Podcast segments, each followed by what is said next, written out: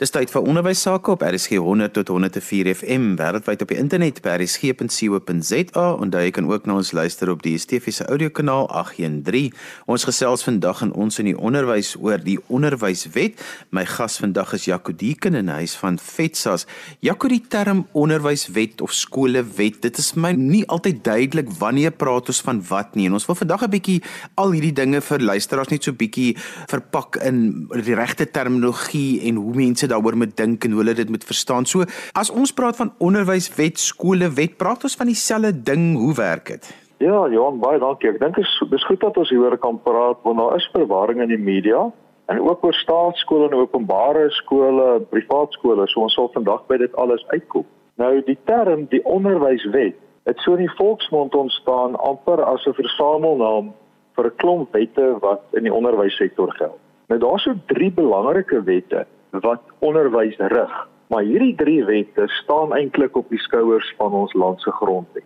En dit is dalk waar ek eers wil begin. Die reg tot onderrig is 'n grondwetlike reg. En as ons kyk wat sê die grondwet in die handves van regte, dan is daar nog 'n paar artikels wat net so op skole van toepassing is, byvoorbeeld gelykheid wat handel oor diskriminasie, wat handel oor menswaardigheid en dan baie spesifiek artikel 15 oor die vryheid van godsdiens oortuiging en dan kom ons dan 'n bietjie nader aan die onderwys wat by artikel 28 en 29 handel oor die regte van kinders en 29 spesifiek op die reg tot basiese onderrig en artikel 30 wat handel oor taal en kultuur. So al daardie grondwetlike regte speel dan in 'n onderwys. Nou ek wil nog 'n trappie terug gaan voordat ons in hierdie regte ingaan. As ons kyk na die aanhef van die Suid-Afrikaanse grondwet, is een van die drome van Suid-Afrika om seker te maak dat ons elke burger in hierdie land se potensiaal ontsluit. Nou dis primêr die onderwyssektor se verantwoordelikheid. En nou gaan ek terug na die onderwyswetgewing. Want die onderwyswetgewing moet 'n uitvoering gee aan dit wat die aanhef sê ons moet potensiaal ontsluit aan die een kant en aan die ander kant dan nou al hierdie regte wat in die handves van menseregte staan in ons grondwet. En nou kom ons by die SA skolewet. En dis nou ons belangrikste wetgewing wat bepaal watse skole ons in Suid-Afrika kan hê. So die onderwyswet waarvan mense praat is nou op 'n versamelnaam, maar die spesifieke wet, die regte wet waarvan ons nou praat, is die Suid-Afrikaanse skolewet. Dan is daar 'n wet op nasionale onderwysbeleid. Dit is 'n belangrike dokument want dit handel oor klomp beleidsdokumente, onder andere die kurrikulum en hoe dit alles gaan lyk. En opvoeders kom in skole deur die wet op indiensneming van opvoeders. So dis hierdie drie belangrike stukke wetgewing wat ons het. So Jaco, as mense dan nou in die volksmond praat om te sê maar die mense gaan die skolewet verander of hulle gaan die onderwyswet verander, dan is dit nogal moeilik om te verstaan dat dit moet obviously dan natuurlik na een van hierdie spesifieke wette verwys. Dis inderdaad so. En ons is nou juis in 'n siklus waar daar weer gekyk word na al die onderwyswetgewing en die term wat in die media gebruik word vir die konsep wat is die sogenaamde BELA. Nou dis maar net die Engels vir die konsep wet op onderwyswette en al drie hierdie wette of ten minste twee van hierdie wette word op hierdie stadium in hierdie konsep het aangespreek waar openbare kommentaar gevra is wat ons nou verstaan binne die volgende paar maande aan die parlement en portefeulje komitee voorgelê gaan word. Jaco, hoekom is daar byvoorbeeld 'n SA skolewet en dan ook 'n nasionale onderwysbeleid, daardie tipe wet? Hoekom is daar twee verskillende wette gemaak? Hoekom is dit nie van die begin af maar een groot stuk wetgewing nie want ek weet nie hoe die goed kon losgemaak gewees het van mekaar nie. Dit voel vir my so dit moet maar een wet wees. Ja, Johan, jy's reg. Hierdie loop baie in mekaar in, maar ons weet nou ook, weet hoe dikker die wetboek is, hoe minder verstaan mense dit. So hierdie onderafdelings is eintlik om dit vir ons meer verstaanbaar te maak en meer operasioneel. Nou die SA skolewet is baie meer operasioneel oor wat in skole moet gebeur terwyl ons nasionale beleidswet meer rigting gee vir die minister oor watter beleide en regulasies moet uitkom. So hulle spreek twee verskillende aspekte aan en die derde een dan baie spesifiek die indiensneming van opvoeders in skole. Nou die belangrikheid van die SA skolewet is dit skep vir ons die tipes skole in Suid-Afrika. Nou ek sien baie aan die media berig selfs gesoute joernaliste nog oor sogenaamde staatskole. Nou toe ons ISO skolewet ingekom het, is alle skole in twee kategorieë verdeel. So ons het geen staatskole meer in Suid-Afrika sedert die inwerkingtreding van die ISO skolewet nie. Die skolewet skep twee kategorieë skole. Die eerste is openbare skole en die tweede is onafhanklike skole. En die SA skole wet handel dan nou met beide van hierdie in dieselfde wetgewing. Nou 'n openbare skool, dit is van die voormalige model C skole deur tot plaaskole of kerkskole of wat ook al destyds ontstaan het, is dan in een van hierdie kategorieë ingedeel. Nou in 'n tipiese staatsmodel sou die staat dan nou 100% magte oor daardie skool hê. Besluit hoe word die vlag gehuis, hoe lyk jou skoolklere, wanneer begin die skooldag, wat word binne dit hanteer. Terwyl die SA skolewet jy as 'n openbare skool en in wese behoort daardie openbare skool dan aan daardie skoolgemeenskap en daardie openbare skool het sy eie regspersoonlikheid. Daai regspersoon word beheer deur 'n beheerliggaam en die dag-tot-dag bestuur word hanteer deur jou skoolhoof. Aan die ander kant is die onafhanklike skool, die volksmond het dit net maar die privaat skole geword. Privaat skool het 'n eienaar en dit kan 'n verskillende vorme wees. Dit kan nou die tannie wees wat 'n kleuterskooltjie bedryf en later is dan nou dalk 'n graad R klasie by of dit kan 'n kerk of 'n maatskappy of watter besigheidsvorm ook wees en dit word dan geregistreer by die departement en dan bedryf jy nou een van hierdie twee tipes of dan die openbaar of dan nou die onafhanklike skool wat dan nou die privaat skool sal wees. Jaco, soos ons nou begin praat van tuiskole byvoorbeeld, is hulle heeltemal buite al hierdie drie wetgewings. Waar pas dit byvoorbeeld nou in? Is daar voorsiening gemaak? Ek lees in die media dat daar ook nou allerlei verwikkelinge daaroor is rondom wetgewing. Dis inderdaad so. Nou tuisonderrig is nie 'n skool, dis 'n vorm van onderrig. So die SA skolewet handel nou in baie besonderhede oor die skooltipes, maar daar word voorsiening gemaak dat ouers kan aansoek doen vir tuisonderrig en dan as daar nou kriteria waaraan voldoen word en nou moet seker maak dat elke kind skoolpligtig is of skool moet gaan dat die leerder as jy nie 'n openbare of onafhanklike skool is nie dat jy wel toestemming het om tuisonderrig te kan ontvang in die kurrikulumformaat. So vir ons gesprek kan ons dan sê daar's drie forme van onderwys waarvan twee skool is of meer formele skool en dan die tuisonderrig opsie. So Jaco, waarvan moet ouers en onderwysers dan kennis neem rondom hierdie drie wetgewing? Wat is belangrik? Want hoe hou ons mense aanspreeklik om dit vir ons aan die gang te hou as ons nie weet wat hulle moet doen nie? Ja, Johannes staan nie spyker op die kop. In 'n grondwetlike bedeling waarin Suid-Afrika nou is, binne 'n regstaat, is dit belangrik dat die burgers van die land weet wat hulle regte is om hulle regte te kan opwys. En ek kry skoolgemeenskappe aan die een kant jammer en aan die ander kant is ek amper ontstel as gemeenskappe voel ons moet wag dat die staat gaan kom om iets by ons skool te kom doen. Die staat moet kom verf, die staat moet kom regmaak. Terwyl die openbare skool sê jy het self 'n klomp van hierdie magte en verpligtinge en as jy weet wat is die inhoud van die wetgewing en wat jou regte is, dan moet ons as ouers dit gaan opwys. En dit doen ons deur ons beheerliggame by die skool En as die beheerliggaam nie hulle werk doen, is daar ook 'n meganisme om hierdie span mense tot verantwoording te gaan roep. So almal is nie prokureurs, dit weet ons. So daarom is dit belangrik dat jou beheerliggaam van jou skool goed opgelei word om te weet wat is my taak en wat is my funksies. Nou as ek praat van die beheerliggaam, dan is dit weer 'n kollektiewe groep mense wat byeengeroep word of verkies word uit 'n paar groeperinge in jou skoolgemeenskap. So die beheerliggaam is altyd ouers op die beheerliggaam wat deur die ouers verkies word. Maar jou skoolhoof is ook daar. Nou die skoolhoof is 'n baie belangrike skakel want die skoolhoof is nog altyd by die skool en hy moet uitvoering gee hieraan en hy verteenwoordig dan ook die departement in terme van die SA skolewet.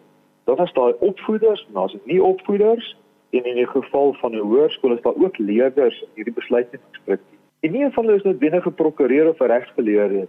En daarom is daar ook voorsiening gemaak vir beheerliggaamorganisasies sodat 'n skool en 'n beheerliggaamorganisasie kan behoort om hierdie ondersteuning te kry om te verstaan wat is ons regte as daar 'n konflik is ondersteuning te hê om dit op te los of om howe toe te gaan om ons regte te gaan opwys en baie belangrik die staat kan nie net nuwe wette en regulasies en beleide opstel sonder om sy tenwoorde te gesels. En daardeur dit beheerliggame deur hulle organisasies 'n stem om insaag te hê in beleide en dokumente wat ontwikkel word. Johan ek wil dit onnodig ingewikkeld maak, maar die grondwet sê ook daar's 'n gedeelde bevoegdheid tussen die nasionale regering en jou provinsiale regerings oor onderwys. So in elke provinsie is daar nog provinsiale onderwyswetgewing. So die Vrystaat waar ek nou bly, het ook 'n Vrystaat se skolewet. En in die Vrystaat het ons dan regulasies uit hoofde van daardie wet ook. So as 'n beheerliggaam begin sit met jy nou kyk wat gebeur nasionaal,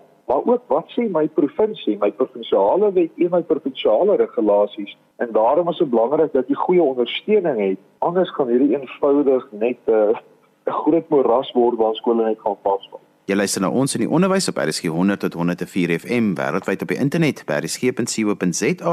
Onthou jy kan ook na ons luister op die DSTV se audiokanaal 813. Onthou jy kan ook vandag se program aflaai as 'n potgooi. Laai dit af by rsg.co.za. My gas vandag is Dr. Jaco Dieken en ons praat 'n bietjie oor onderwyswetgewing. Jaco, dit het nou nogal interessant vir my gewees die met die plasingsprobleme wat nou by die verskillende provinsies is met al die stelsels wat nie so 100% gewerk het nie. Het die hele kwessie van van onafhanklike skole wat ons ook nou maar praat van as privaat skole as 'n opsie en as allerlei modelle wat dit nou bietjie meer bekostig begin maak vir die meeste van ouers daardie tipe van dinge. Maar ek dink dit vir baie mense is dit nogal 'n verrassing dat daar 'n skakel is tussen die SA skolewet en onafhanklike skole omdat mense net dink dit is staatskole wat by openbare skole is en dit is met die skolewet maar onafhanklike skole kan maak soos hulle wil. Wil jy nie gou vir my net 'n bietjie verduidelik vir ouers wat nou vir die eerste keer daarmee te doen kry hoe wetgewing wetgewing en die verband tussen wetgewing en dan ook onafhanklike skole nie. Johan, die Suid-Afrikaanse skole wet se hoofstuk 5 handel in 'n paar artikels met die onafhanklike skole. Nou daar's net 6 artikels wat daarmee handel, maar daar's nog 'n klomp papierwerk wat daarmee verband hou. En en dieselfde hoofstuk handel ook oor die registrasie van leerders vir tuisonderrig.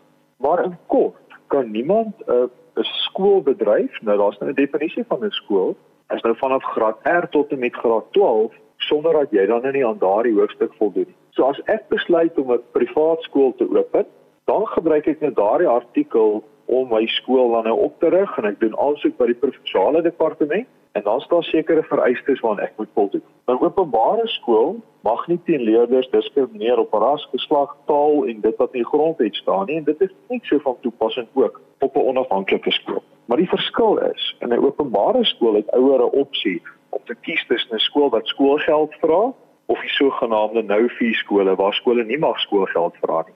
Terwyl 'n uh, privaat skool nie bedryf kan word as hulle nie inkomste kry nie. So daar gaan ek as ouer 'n kontrak aan met hierdie skool en ek onderneem om hierdie skoolgeld te betaal. So dis 'n baie belangrike onderskeid tussen hierdie twee stelsels.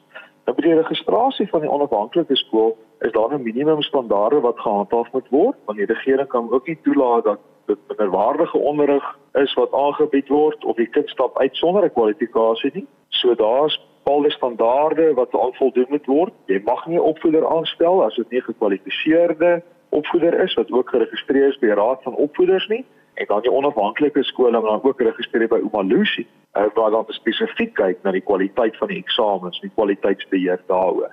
Ja, kom ons praat gou oor die nasionale onderwysbeleid. Dit is iets wat vir my baie keer abstrakt is en dat mense nie altyd weet maar hoe is dit ook van toepassing op my as onderwyser of as ouer nie en wat ek met kennis neem en het ek 'n inspraak hoe gee gou die konteks rondom dit. Johan, onderwys omdat dit so baie sektore is en baie aspekte wat gedek moet word, is daar baie beleid nodig op 'n klomp areas.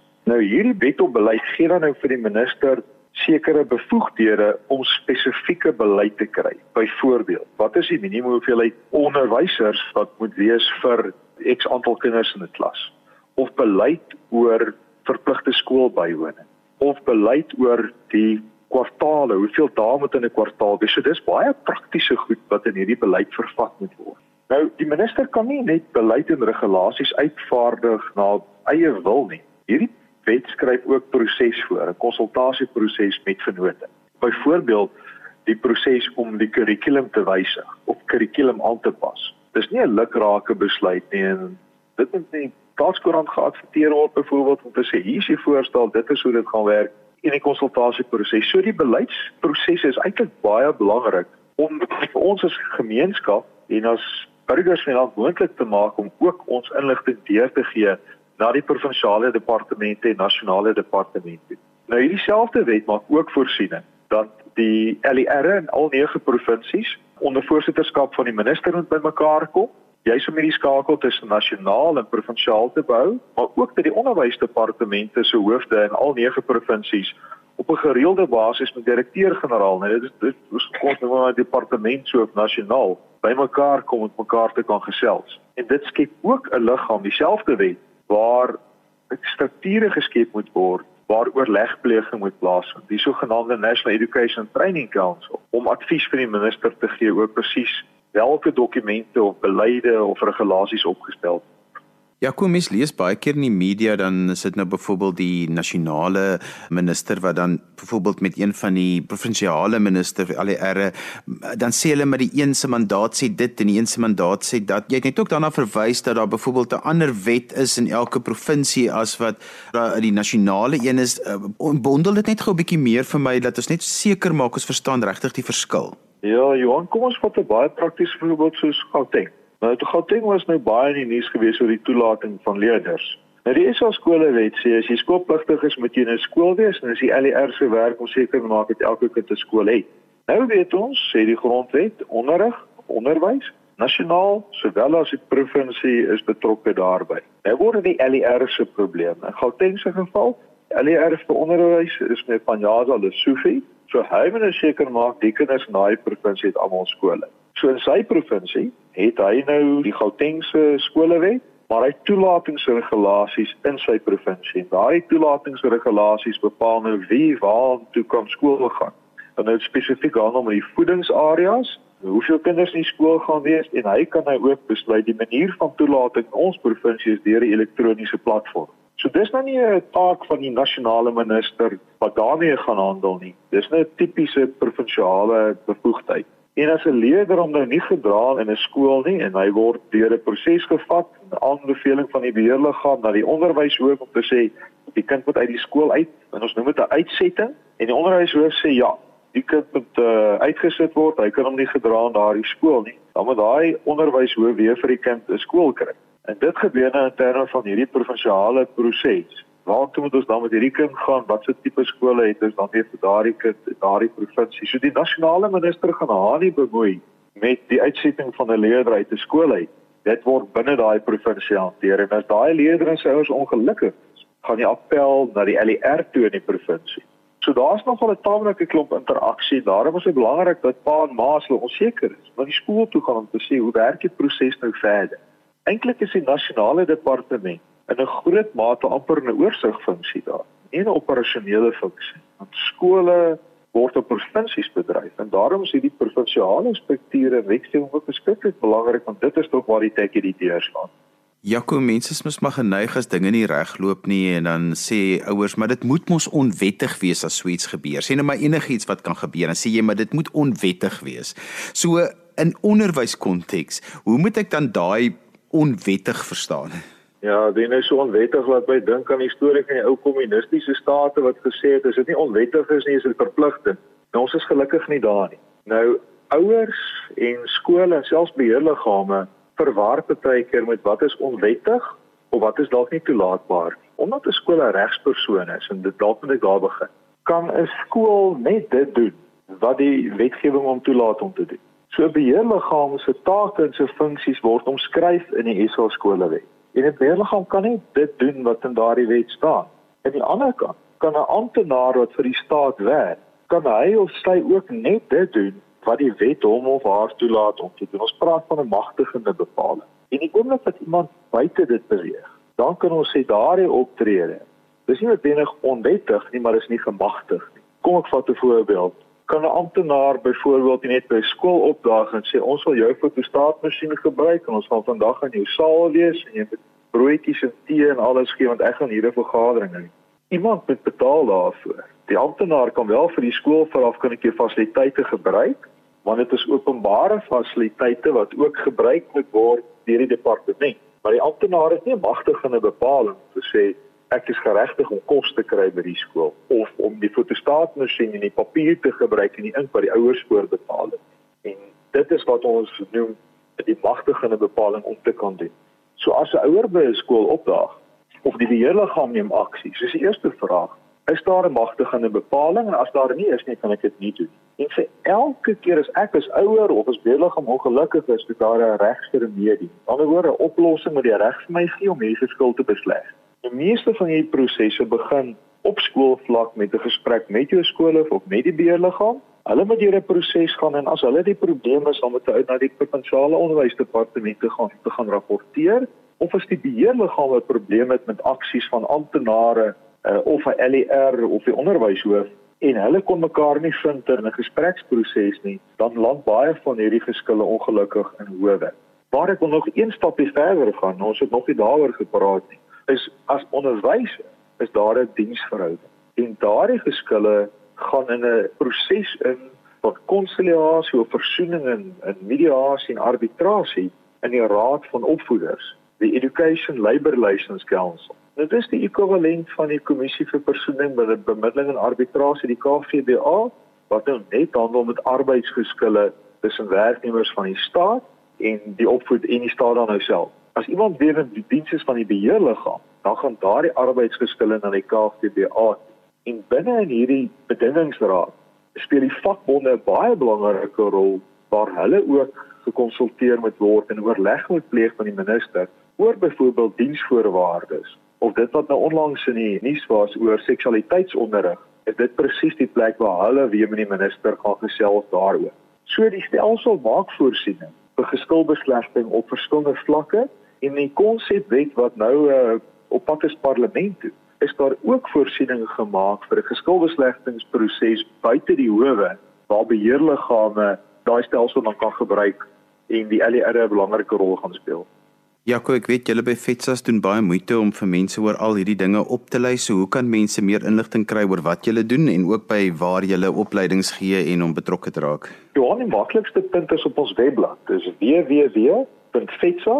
www.fetsas.org.za dat die webblad bestaan uit 'n paar komponente, maar ons is die enigste webblad in Suid-Afrika waar jy die provinsiale wetgewing, nasionale wetgewing en regulasies op een plek gaan kry. So baie navorsers gebruik dit as 'n verwysingspunt en jy kry ook al die hofuitsprake is op die gedeelte wat oop is vir almal op ons webblad.